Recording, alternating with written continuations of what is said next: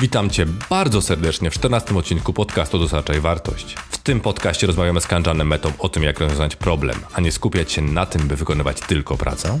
Co jest ważniejsze, mindset czy skillset? Oraz dlaczego warto skupiać się na tym, co mamy, a nie na tym, czego nam brakuje. Ja nazywam się Bartłomiej Michalski i zapraszam Cię do wysłuchania podcastu.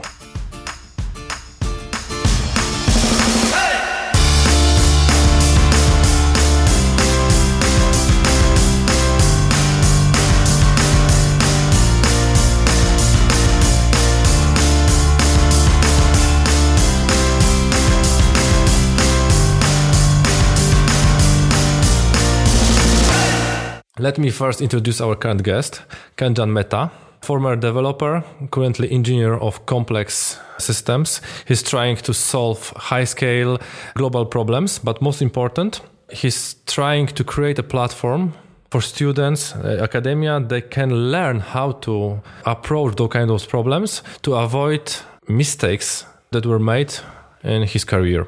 Let me first ask you an introductory question. What is the most awesome and useful thing uh, that you have done or that you are currently do- uh, doing in your career? So there are a number of things that I'm incredibly proud of, whether it is uh, a number of ventures in the global health space, in the food security space uh, that we have started, the new technologies we've designed that have now scaled up to reach uh, tens of thousands of uh, farmers and uh, clinics around uh, several countries in sub-Saharan Africa and Southeast Asia. So I'm incredibly proud of those. But what's most important to me is preparing the next generation of, of global problem solvers and social innovators. And uh, I have designed and continue to design new academic programs and ecosystems uh, to, to help prepare that next generation.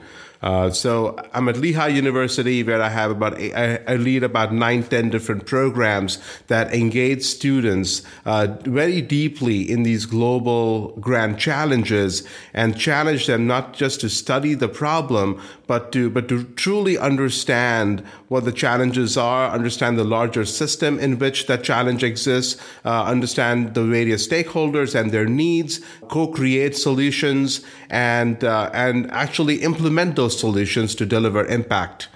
And the design of these ecosystems is something I'm incredibly proud of. Could you tell me why this is important for you? Why you are trying to create this army of global problem solvers?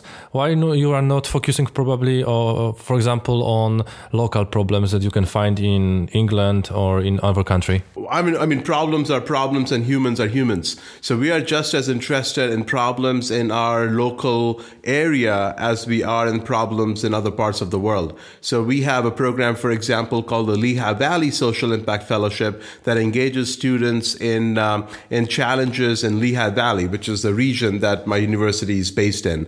And then we have a program called the Global Social Impact Fellowship that engages them in uh, grand challenges in Sierra Leone and Philippines and Kazakhstan and Liberia and other countries.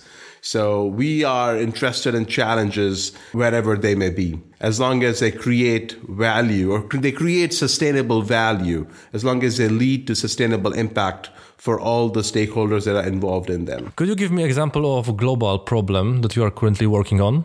Sure, I can give you lots of examples. I'll, I'll pick one of them. Um, so Sierra Leone, which is a small country in West Africa, has the highest maternal mortality rates in the world, and uh, we started working on a particular on this particular challenge of maternal mortality about four years, five years back, and we found that two of the major contributors were urinary tract infections and uh, preeclampsia, which is a hypertensive disorder, and uh, the test strips that they were using to to screen or diagnose women uh, cost about two dollars each, and so we said, wow, is, is, there something we can do better than $2 for, for each test strip? And we actually ended up uh, designing a test strip that uh, can be manufactured and imported in country and is available now in Sierra Leone for two cents each. Right. So that's two orders of magnitude. Now for $2, which is what a single test strip cost earlier, uh, we can get a whole box of 100 test strips.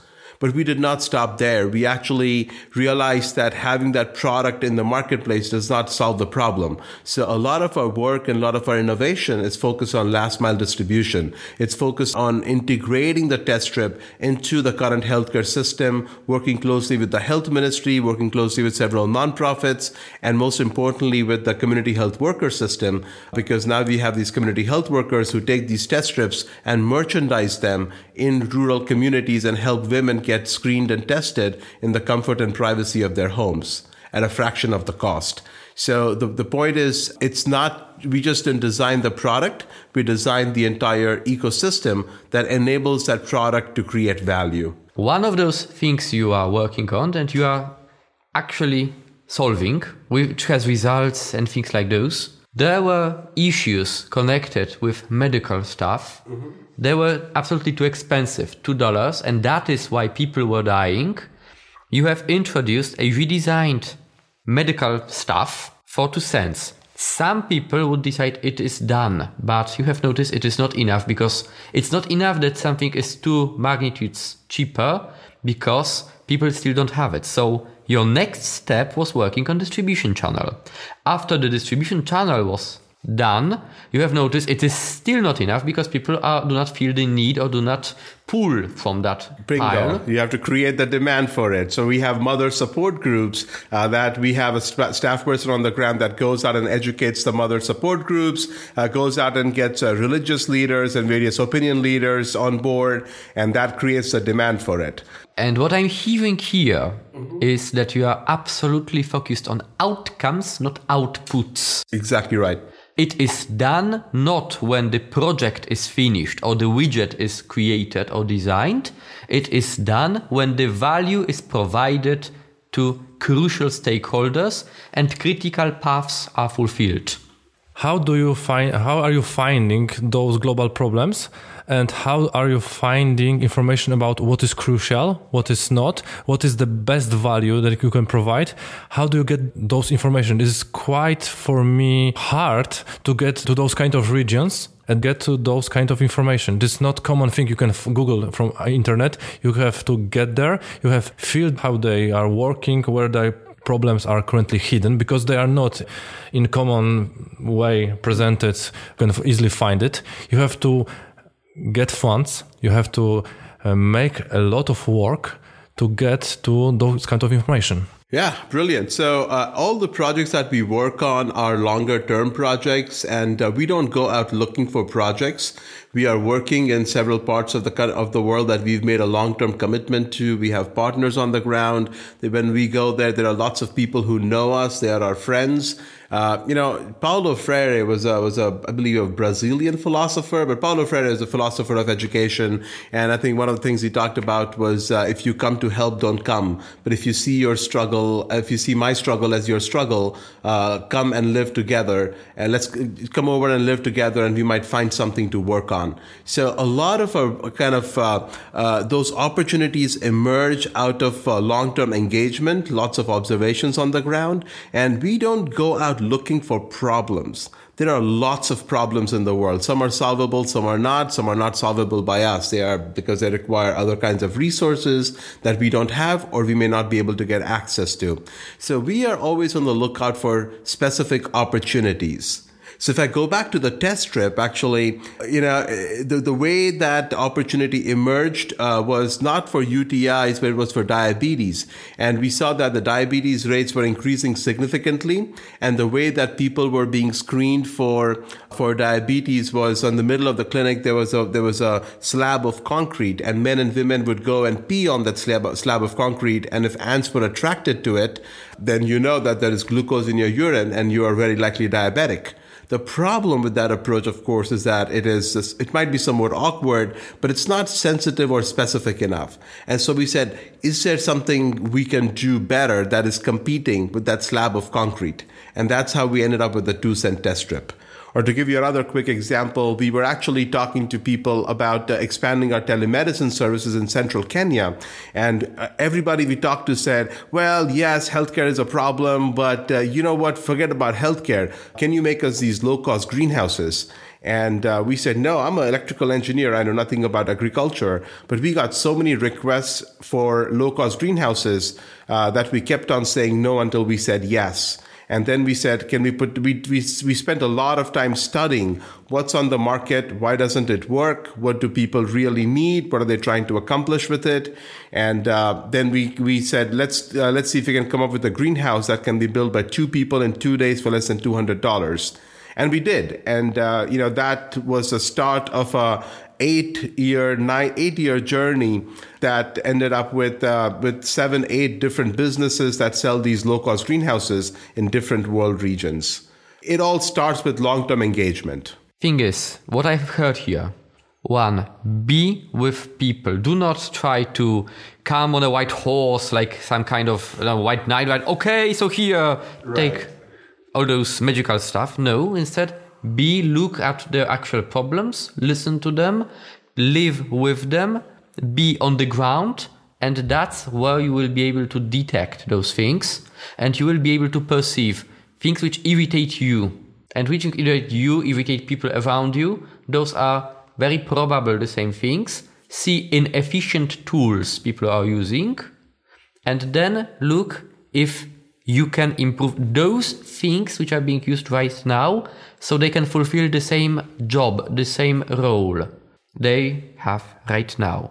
Then I've heard look at resources and opportunities. So look at what resources they have right now and adapt to it. Do not assume it will get better, not assume it will get different first solve the problem, then if situation comes, it will evolve naturally on its own. Then if you are doing something, look at things adjacent. What you have said here about the concrete slab. You haven't entered the system, from what I've understood, you haven't entered the system to solve that problem. That problem was adjacent to the problem you have actually solved. But because you were there, you could perceive, oh, this is wrong, this is causing problems. So we can solve this as well, or instead of this is the more root cause or more important thing right now, the more critical value. So this was also in your mission, in your scope. So look at things adjacent and listen to what people are saying.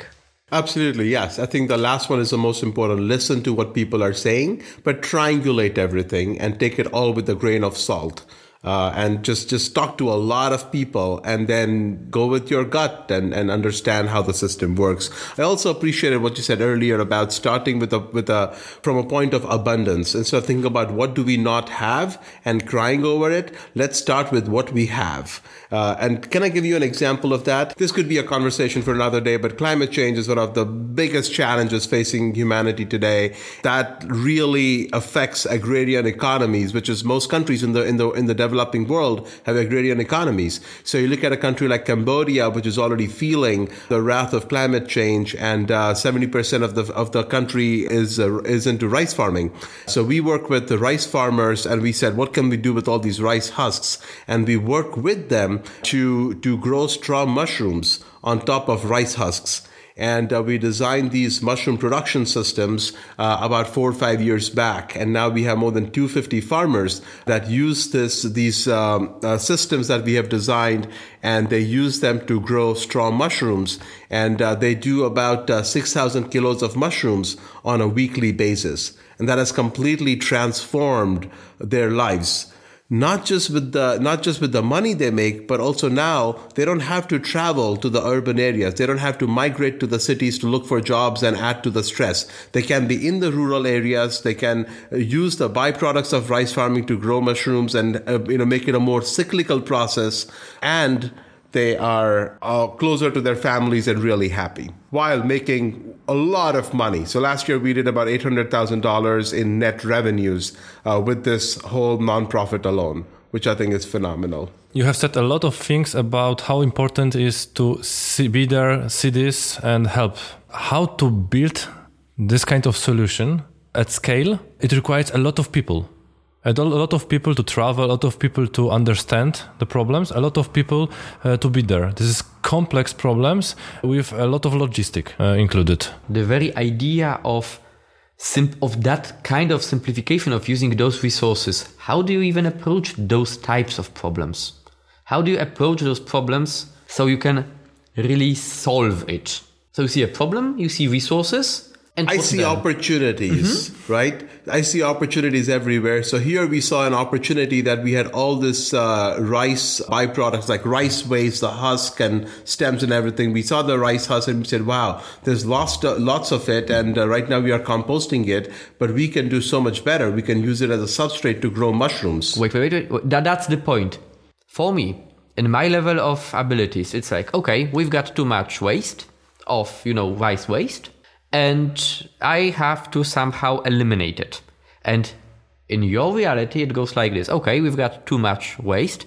Let's grow mushrooms. There's a step between those two sentences. And yeah. what this step was. Uh, wow. I'm, I'm not sure if I can, uh, I, I, if I remember the whole story, but I would say that Google is your best friend, right? So what can you do with uh, with the rice husks? Would be a question I would ask Google and do some research and say, okay, this is what I have, uh, you know, in large in large quantities. What can we do with it? To give you another example, right now we are working in the Philippines on plastics recycling, and uh, Manila, the capital of Philippines alone, generates about 1,400 tons of plastics on a daily basis, and about 20% of that is recycled. The other 80% ends up in landfills.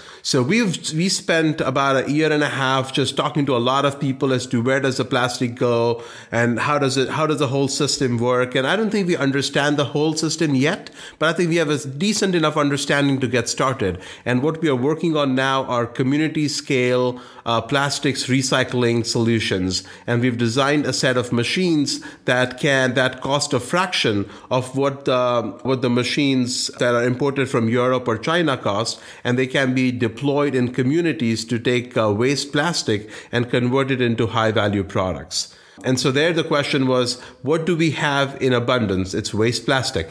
What can I do with it?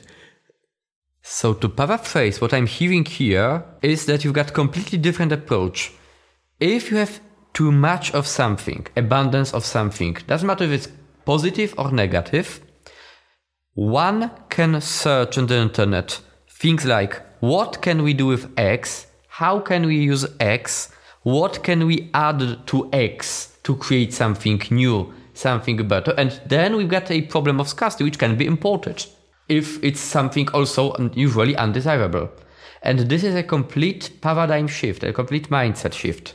It is, and I think uh, I take little credit for this philosophy. This is this is what cradle to cradle design is all about right? Nature works with interdependent systems, and there is no waste product because everything is a biological nutrient for another natural process. So I would strongly suggest you know folks listening to this podcast to to look up an excellent TED talk on cradle to cradle design on this concept further. We are talking about global problems. We are talking about problems that are not here. We cannot feel them. We cannot touch them. There's some kind of far, far away fairy tale for some kind of developer, some kind of HR people that are working in companies.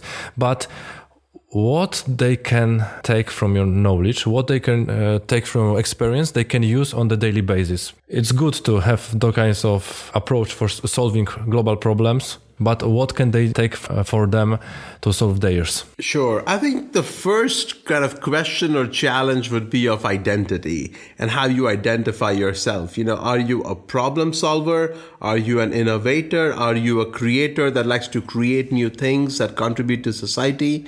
Or are you a Java programmer? Are you a C sharp programmer? And the first thing I would do is to, to challenge people to rethink their identity and zoom out a little bit. You know, we're all humans on this crazy journey and uh, let's kind of bring back and zoom out of being a developer. Remember when you used to be a developer, right? So, which of those methods you are using today, which of those approaches you are using today would help you in your day to day actions at that point in time? Oh, brilliant. I think it's not about the skill set, it's about the mindset. It is about an analytical approach. It's about logic. It's about uh, it's about looking at different situations and then designing a if then else uh, you know or a case statement on what should we do in all these different settings. So that's that's a mindset, right? It's about data driven approaches. It's about evidence based approaches. It's about reliable it's about reliable, dependable, and incredibly simple, stackable systems and designing those simple systems. So to give you an example of that, if you are a developer, and I'm getting, I haven't done any coding in a long time, but you, you design a function and you want it to work as, as robustly as possible, right? And so I'm thinking, how do I, how can I design or co-design the encounter between the health worker who is going to test this woman or, or encourage her to get screened for preeclampsia or for a urinary tract infection? And how can I design that encounter in a very simple, reliable, robust manner? And if I can get that right, I can move up to the higher level of abstraction. And then over and over and over, and I've designed a robust system. Isn't that what you do as developers? Is design robust systems that are going to work the lesson I have learned from books on negotiation that is always there are always more things you can put on the table. So it's not always you not only you can do A or B. If one person wants A, the other wants B, there exists a set of C, D, E, F and stuff we can put on the table. For example, I need to go on my vacations because I've promised my wife. My boss wants me to go to the customer because it's a critical situation. So it seems like a deadlock, but in reality it is not. Because, for example, my boss can offer me longer vacations later. And this is putting more things on the table, not looking at only this, we can add more things. Yeah, I would agree with you and you, you're, you're, you're trying to find a win-win situation, yes. right? And a lot of our work and the most difficult part of our work is when you have a lot of different stakeholders uh, that have different interests, different motivations. It is to find that win-win situation across all of them. And for as many of them, the value has to be incredibly, incredibly tangible. And this is connected with the second family of your answer. That is, you need to have evidence, observable, tangible things, things you can touch, things you can show. Not, you know, after several years you will have 5% of something, something, but okay, this is it. This is this thing, this object, quick value, quick answer. This is all the observability. This is, oh, there are three families then. This is very connected to things Tom Gilbo was talking about. And the third family was the robustness and simple systems. Mm-hmm. So systems like living cells, like living sub-entities, which may fail, which can fail, and which we need to design the failure in, as in how should they act so the whole super system will not shatter. Correct. So every subsystem would, and this would be something very useful, especially in the world of microservices. It's always better to have this approach mindset over skill set or there are some kind of exceptions in which skill set is better because we have created a rule that mindset is always better than skill set, but I don't think is proper. No, I first of all did not mean to say that mindset is more important than skill set. I think skill set and mindset go hand in hand. You know, as my friend Doug Melton from the Keen Foundation would say, that it's like riding a tandem bicycle the skill set mindset go hand in hand together. But the third thing that also is really important is your portfolio of accomplishments with clear evidence. And so i think that skill sets mindsets and portfolios all three together make you the complete whole and make you the complete professional. Because the proof is in the pudding. So mindset is all about approach to solving problems and skill set is tools we can use in these problems. So this is some kind of it's complementary right? So mindset is about approach. It's about your way of thinking way of doing the way of approaching everything you do. Because first step in every journey of developer of some kind of person is always to create some kind of skill set. And after that when i am very good in some kind of tool and using it i can go for the mindset. Yeah you know know, that's where I struggle, man. And I'd go back to when I was a kid and I could never study something if I didn't see the value on why I need to study something. So I come from the school of thought that you do first, learn later, because then you learn why you need to, then you know why you need to learn something. And that is to, you know, solve some problem, address a real need. It's a helix spiral. We start from a low, let's say, level of skill set and a problem opportunity, something we want to have done. Then it generates a portfolio, a single result. That single result influences both mindset and the skill set. It goes higher.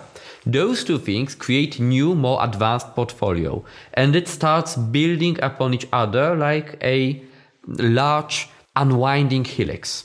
Beautiful. I love that way of thinking about it. But but if you think about the emergent sum of those skill sets, mindsets, and portfolios getting better over time, is where the magic happens, right? Because as you start developing this, you actually find that deep sense of purpose and belonging in the world. You develop your agency and self-efficacy. You develop, uh, you you reach a, le- a, higher level of consciousness uh, where you are now thinking about yourself differently because you have these skill sets and mindsets, and there is stuff you've done before, and you're ready to take on the world and to solve important problems that is not skill sets, mindsets, portfolio separately. I think all three together. This is what is usually called synergy because before this word got corrupted.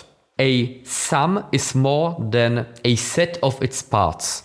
A car is more than a set of its components because it can do more things. But without every component or each component, without any component, it will fail and not work perfectly, not work properly. So what you are saying is that at start it's harsh because we are doing small things. It generally sucks and we see all those powerful, skilled people who are doing magical stuff. But at start we can do almost nothing. But if we persevere and build upon this, and the need comes naturally from seeing new types of problems, new opportunities we need to solve, then after some time, we will look back at, oh, oh, I'm here. I'm on this mountain I have never noticed when I went up. And I think the more you do all those synergistic things together, you start questioning who you are and what you want to be and what kind of citizen you want to be and how you want to advance the world forward. Right? Because you get more and more confident in yourself and in your ability to, to be that change agent in the world? Confidence, and on top of that, building on this, the more I know, the more I know I don't know, but also the more I see.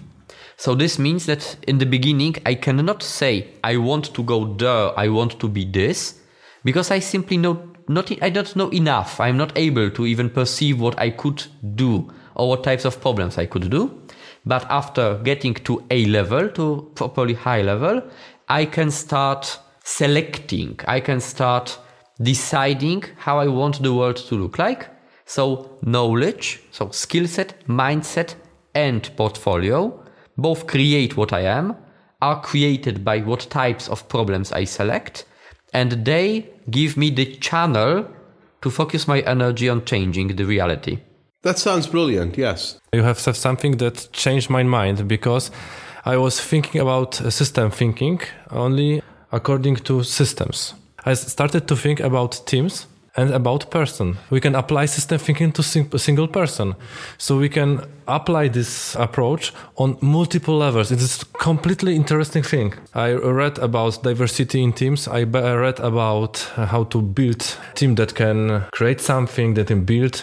We are talking about diversity in different levels in skill set, in mindset, in how they are doing things on daily basis because we are talking about person not uh, about any biological interfaces. It's the human connection yeah. right that they bring. Yep. Something we probably did start talking about or just hinted on was this idea of our skill sets or mindsets more important and i think they both go hand in hand. But there's something else you got to realize is that a lot of skills can be automated but some mindsets cannot be or they're much harder to automate.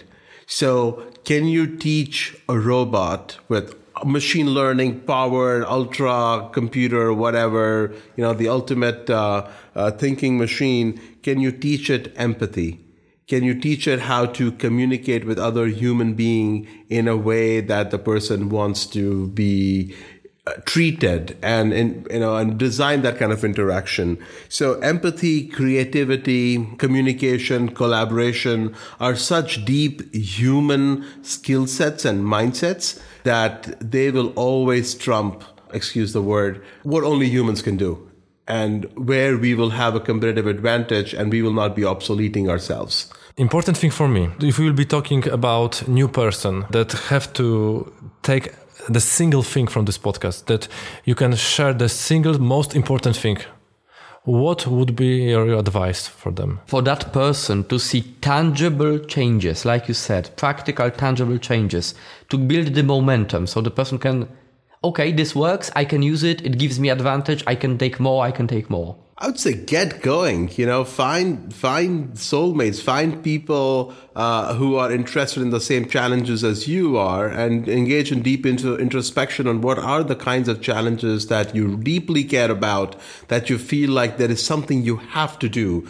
Uh, it could be local, it could be b- b- regional, it could be global. It doesn't matter. What matters is that you find things that you're incredibly passionate about, find others that share that passion, and get going in in, in understanding understanding the challenge, uh, looking at what others are doing, and finding a way to contribute to that problem. So that sounds very generic, but I, I strongly feel it's about just getting going. From your point of view, this helix, this triangle of portfolio, skills, and mindset is the core. And we are say when you are saying start doing something you are passionate about, get going. What I'm hearing is start doing something passionate because that's where you need this motivation to simply to overcome the first barrier to to, to do it. Right. then by building no matter what it is you are starting to have achievements portfolio start building skills. You are starting to detect the reality around you building mindset and that way you start the engine building your helix Right to start the first few steps, and you know, then you'll uh, that that journey journey and uh, will power you on. I want to thank you for this lesson because we have learned uh, a lot of things. So thank you a lot. I hope that our listener will find something for uh, for him something useful for him because there's a lot of useful things. The most important thing I have uh, write down in my mind is always be with people, always work with teams that will challenge you, that will help you destroy barriers, and, uh, getting next step, and so on and so on. And we have to find people with proper skill set, with proper mindset, because without that we will be sitting and doing pretty much nothing is always about momentum, is always about uh, going further. So thank you very much, Khanjan, for this podcast, and uh, thank you for listening it. I'm talking to our listeners. Thank you. It was great. Thank you for having me here. Dziękuję. Likewise, Lucas. Thank you so much. Yeah. Thank you very much again, and goodbye.